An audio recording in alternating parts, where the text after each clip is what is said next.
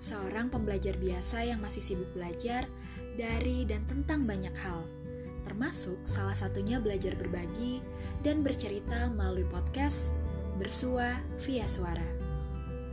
Ekonomi syariah, pengalaman hidup, dan nano-nano rasanya jatuh, gagal, kemudian bangkit lagi merupakan topik utama yang akan banyak diceritakan di podcast ini.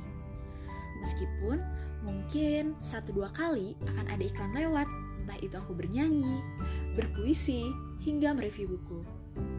Apa pun itu, semoga teman-teman selalu bisa menemukan alasan untuk mendengarkan podcast ini sampai habis, dan juga menemukan alasan mengapa podcast ini tidak boleh berhenti di kamu. Sekali lagi, selamat mendengarkan, dan mari bersua via suara.